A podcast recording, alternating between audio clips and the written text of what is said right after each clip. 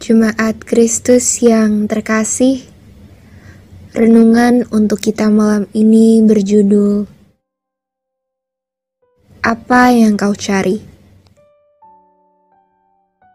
Dan bacaan yang kita ambil diambil dari kitab Lukas pasal 9 ayat 46 sampai 48. Beginilah firman Tuhan. Maka timbullah pertengkaran di antara murid-murid Yesus tentang siapakah yang terbesar di antara mereka. Tetapi Yesus mengetahui pikiran mereka. Karena itu, ia mengambil seorang anak kecil dan menempatkannya di sampingnya, dan berkata kepadanya, Barang siapa menyambut anak ini dalam namaku, ia menyambut aku. Dan barang siapa menyambut aku, ia menyambut dia yang mengutus aku.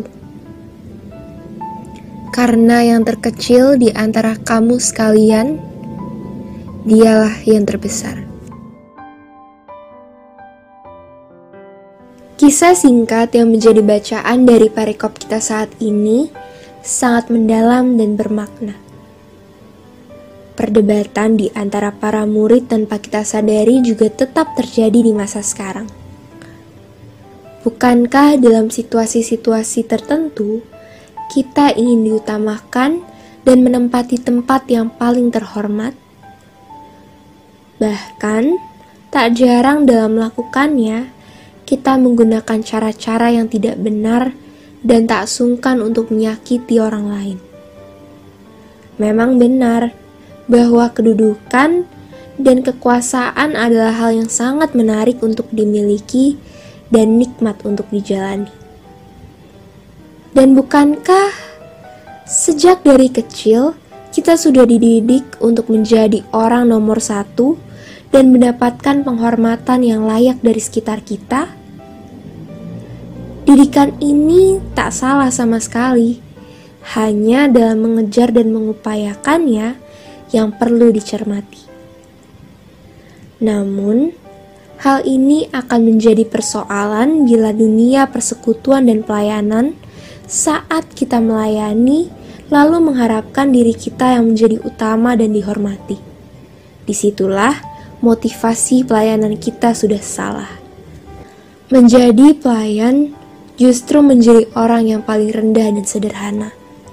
Kehidupan pelayanan dan persekutuan tidak mengenal siapa yang harus dihormati dan siapa yang tidak, karena semua sama-sama berharga di hadapan Allah. Saat kita bersedia untuk ikut melayani, itu berarti kita siap untuk menjadi yang paling terakhir dan tidak diutamakan. Bahkan, sering kali menjadi sasaran kekecewaan dan kritikan dari umat karena apa yang kita kerjakan masih belum maksimal. Oleh karena itu, Tuhan menekankan bahwa yang paling terpenting bukanlah posisi kita, namun ketulusan dalam hati kita dengan ketulusan yang kita miliki setinggi atau serendah apa pun posisi kita tak akan jadi soal. Jadi, apa yang kita cari? Perkenankan Tuhan atau jabatan dan penghormatan semata? Demikianlah renungan malam ini. Semoga damai sejahtera dari Tuhan Yesus Kristus tetap memenuhi hati dan pikiran kita. Amin.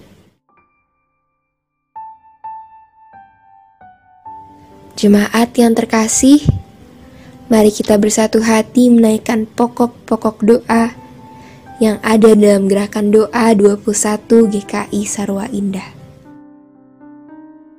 Mari kita berdoa.